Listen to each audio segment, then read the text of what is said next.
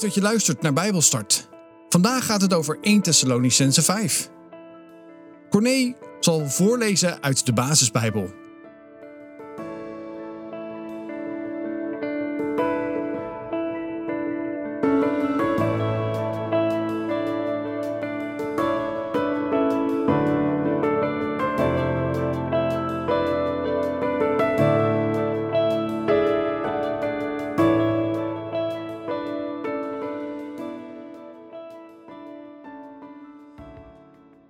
Thessalonicense 5. Maar we hoeven jullie niet te schrijven hoe en wanneer dit zal gebeuren, broeders en zusters. Want jullie weten zelf heel goed dat de dag van de Heer net zo onverwachts komt als een dief in de nacht. De mensen zullen denken dat alles vredig en rustig is, maar dan worden ze plotseling door Gods straf getroffen en ze zullen er niet aan kunnen ontsnappen. Maar jullie broeders en zusters leven niet in het donker, Daardoor zal die dag jullie niet overvallen als een dief. Want jullie horen bij het licht en bij de dag. Wij horen niet bij de nacht of bij het donker. Daarom moeten we ook niet geestelijk slapen zoals de andere mensen, maar we moeten geestelijk wakker zijn en goed opletten en nuchter zijn. Want de mensen die slapen, slapen s'nachts, en de mensen die dronken worden, zijn s'nachts dronken. Maar wij horen bij de dag, daarom moeten wij nuchter zijn. Ons geloof en onze liefde zijn ons harnas. Onze zekerheid over onze redding is de helm op ons hoofd. Als we dat harnas aantrekken en die helm opzetten, dan zullen die ons bescherming zijn. Want we zijn niet bedoeld om door God gestraft te worden, maar om gered te worden door onze Heer Jezus Christus die voor ons is gestorven. Want doordat Hij voor ons is gestorven, zullen we samen met Hem leven. Het maakt niet uit of we nog leven of dat we al gestorven zijn. Bemoedig elkaar hiermee en bouw elkaars geloof op. Maar dat doen jullie ook. We vragen jullie ook, broeders en zusters, om goed te luisteren naar de mensen die hard voor jullie werken. Ik bedoel hen die jullie leiden namens de Heer en die jullie opvoeden in het geloof. Heb respect voor hen en houd van hen vanwege alles wat ze voor jullie doen. En maak geen ruzie met elkaar. Broeders en zusters, er zijn mensen bij jullie die niet meer willen werken omdat ze denken dat de Heer toch binnenkort zal komen. Zeg tegen hen dat ze orde in hun leven moeten brengen en weer aan het werk moeten gaan. En bemoedig de mensen die de moed hebben verloren. Help de mensen die een zwak geloof hebben. En heb geduld met elkaar. Als iemand je kwaad doet, doe dan niet iets kwaads terug. Doe liever allemaal je best om altijd het goede te doen. Wees alleen voor elkaar maar ook voor alle mensen. Wees altijd blij, bid zonder ophouden. Dank God altijd wat er ook gebeurt. Want dat is wat God van jullie wil nu jullie bij Jezus Christus horen. Doof het vuur van de Heilige Geest in jullie binnenste niet uit. Schuif profetieën niet aan de kant. Ga bij alle dingen na of het klopt en bewaar dan het goede. Doe niets wat ook maar een beetje verkeerd is. Ik bid dat de God van vrede jullie helemaal heilig zal maken. Dan zullen jullie je geest, ziel en lichaam helemaal zuiver zijn als de Heer Jezus Christus terugkomt. God die jullie roept is trouw. Hij zal dat zeker doen. Broeders en zusters, bid voor ons. Groet alle gelovigen met een heilige kus.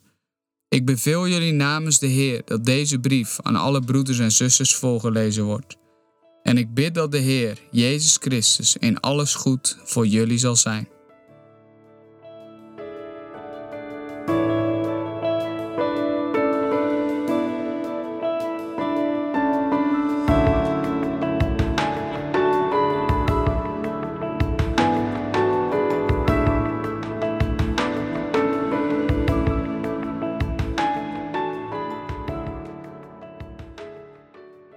Luisteraars, welkom bij een nieuwe studie.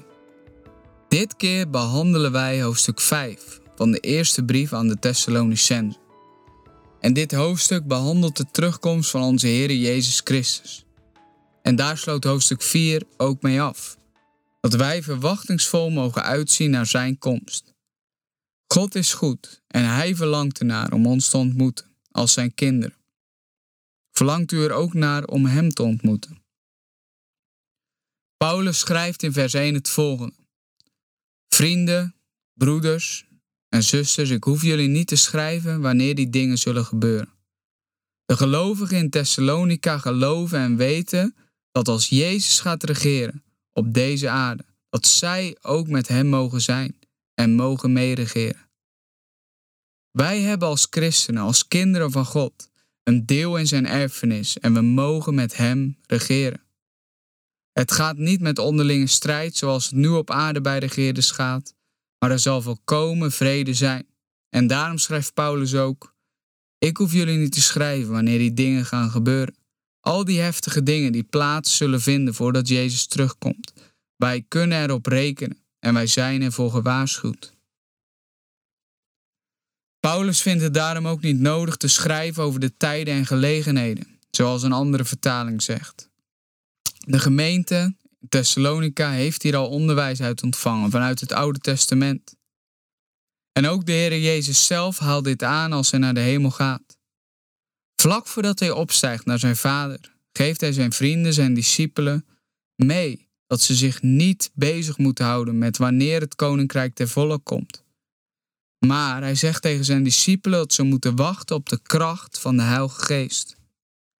En dat is ook een les voor ons. Het gaat er niet om wanneer Jezus precies terugkomt, maar het gaat erom dat Hij terugkomt. Wanneer weten wij niet exact, maar wij mogen verlangend uitzien en tot die tijd zijn liefde verspreiden op aarde. Maarten Luther, de bekende hervormer, hij zei het zo mooi. Als Jezus morgen terugkomt, plant ik vandaag nog een boom. Met andere woorden, ik ga niet in een hoekje zitten wachten maar ik ga vrucht voortbrengen door de kracht van de geest. Dat is wat Paulus ook zegt in deze brief. Mensen die niet met willen werken, moeten we aanspreken en moeten zeggen: ga aan het werk. Ga niet zitten wachten in een hoekje, maar ga vrucht voortbrengen door de kracht van de geest. Tijden en gelegenheden, dat heeft betrekking op de aarde. En de eerste verwijzing daarna staat al in Genesis 1 waar duidelijk blijkt dat het met de aarde te maken heeft. De aarde, de natuurlijke wereld, is het terrein waarop alle profetische voorzeggingen in vervulling zullen gaan. De gemeente en de wederkomst zijn nergens onderwerp van deze profetie. Dat komt omdat de gemeente bij de hemel hoort. Wij leven in de natuurlijke wereld, maar wij zijn uiteindelijk gemaakt voor de geestelijke wereld om bij God te zijn. En al deze profetieën zullen op aarde vervulling komen. Maar wij mogen weten dat we bij God horen. En zowel met tijden als met gelegenheden wordt een bepaalde tijdsperiode bedoeld. En deze komen samen ook bijvoorbeeld nog voor in handelingen. Het zijn begrippen die elkaar in de Bijbel aanvullen. Toch is er een belangrijk verschil. Bij tijden gaat het om tijdsduur, om iets wat na verloop van tijd gebeurt. En in het Grieks wordt daar het woord chronos voor gebruikt. En je herkent het woord in ons woord van bijvoorbeeld chronometer. Dat is een apparaat om mee te meten hoe lang iets heeft geduurd. En dat woordje chronos lees je bijvoorbeeld ook terug in Galaten 4. Zo lees je in Galaten 4 dat in de volheid van de tijd, daar staat dus in het Grieks chronos, God zijn zoon zond. Dat staat in Galaten 4 vers 4. Dat betekent dat de Heer Jezus op aarde is gekomen nadat er een bepaalde tijd verstreken was en God de tijd gekomen achtte voor het zenden van zijn zoon. God staat boven de tijd. Chronos gaat dus letterlijk om tijd, om een tijdsduur. Maar bij gelegenheden gaat het niet om een tijdsduur, maar om wat een bepaalde tijd kenmerkt, om het karakter van die tijd. In het Grieks wordt hier een ander woord dan chronos gebruikt. Het is het woord kairos. Zo is er een tijd dat de mens zonder wet leefde. Dat staat bijvoorbeeld in Romeinen 5, vers 13. Nou, die tijd is niet aan te geven in een tijdsduur, maar het is een, gaat om het karakter van die tijd. En deze verschillende tijdsperiodes, die soms na elkaar liggen en soms samenlopen, hebben dus allebei een eigen kenmerk. Elke tijd heeft duidelijk gemaakt wie de mens is en dat wij uiteindelijk ten diepste falen in het dienen van God. Maar al deze verschillende tijden, Kairos en Chronos, die komen samen in de volheid van de tijd. En dat is wat in vers 2 staat. De dag dat de Heer terugkomt, komt onverwacht. Dus niet in een tijdsduur wat wij kunnen aangeven. Net zo onverwachts als een dief die s'nachts komt stelen. Dat weten jullie heel goed, schrijft Paulus. Dus de gemeente wordt hier nauwkeurig op de hoogte gebracht. Ze weten de dag dat de Heer terugkomt, die komt onverwacht. Net zo onverwacht als een dief die in de nacht komt stelen. Maar ook zegt Paulus dat als wij met elkaar juist uitzien, als wij naar de tekenen van de tijd kijken, dat het voor ons niet als een dief in de nacht zal komen. Het komt onverwachts voor de ongelovigen, maar wij kunnen aan de tijd, aan de tekenen van de tijd zien wanneer Jezus komt. We weten niet precies wanneer, maar we kunnen wel aan de tekenen van de tijd zien dat Jezus komt. En als wij met elkaar uitzien naar de komst van de Heer Jezus, dan komt Hij ook voor ons niet als een dief in de nacht. Een dief komt namelijk altijd plotseling, zeer onverwachts en ook ongewenst. Maar als christen kijk je als het goed is juist uit naar deze komst. En de wereld ziet niet naar hem uit. De ongelovigen willen ook helemaal niet dat wij naar God uitzien. En misschien merk je dat wel eens als je erover spreekt, dat Hij komt om de wereld te oordelen. Dan beginnen de mensen soms wel eens te spotten of ze lachen je uit. Geloof je dat echt? Dat is toch iets van de middeleeuwen? Maar wij mogen uitzien naar de komst van de Heer Jezus. En laat je dus niet in de val lokken dat Jezus komt als een dief in de nacht voor jou als gelovige. Dat is een misverstand van dit Bijbelgedeelte. De komst van Jezus is inderdaad als een dief in de nacht voor de mensen die hem niet verwachten. Maar vers 4 laat duidelijk zien dat gelovigen het aan de tekenen van de tijd kunnen zien. Daar staat: Vrienden, jullie zullen niet plotseling overvallen worden door de komst van de Heer, want jullie geloven in Hem. Jullie horen bij het licht en niet bij het donker. Dus voor de duidelijkheid, wij weten niet precies wanneer dat is. Er zijn ook mensen die gaan er dan een tijdstip aan geven. Wij weten niet wanneer, dat weet alleen God de Vader, zegt de Bijbel heel duidelijk. Maar wij kunnen wel aan de tekenen van de tijd zien dat het niet lang meer duurt. Wij weten het exacte tijdstip niet, maar wij kunnen wel de tekenen van de tijd serieus nemen en wij kunnen ze waarnemen. Bent u er klaar voor? Laten wij juist, misschien wel in de laatste dagen, uitzien naar zijn komst en laten wij de Heere Jezus verwachten. Zingt u het mee in uw hart, zoals dat bekende lied gaat. Kom, Jezus, kom. Laten wij dat zingen. En laten wij niet bang zijn voor zijn komst. Natuurlijk, het is een heilig moment. En het is ook een moment waarop er oordeel zal zijn en rechtvaardigheid zal zijn. Maar wij als christenen mogen er naar uitzien. Wij mogen er naar uitzien dat Jezus alle dingen nieuw maakt. En laten wij dus met ons hart zingen. Kom, Jezus, kom. Als wij kijken naar de schepping, dan schreeuwt de schepping het uit. Kijk maar om je heen naar de rampen die gebeuren, de pandemieën die rondgaan, de crisissen als het gaat om klimaat, financieel of wat dan ook.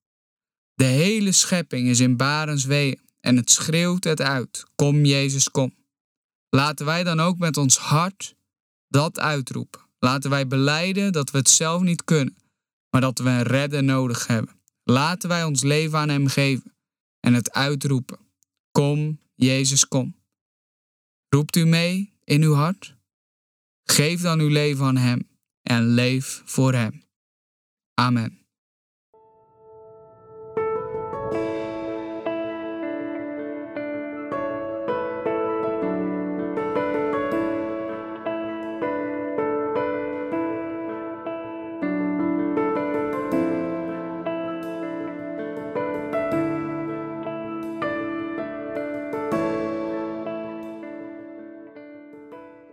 Dit was Bijbelstart, een programma van TWR.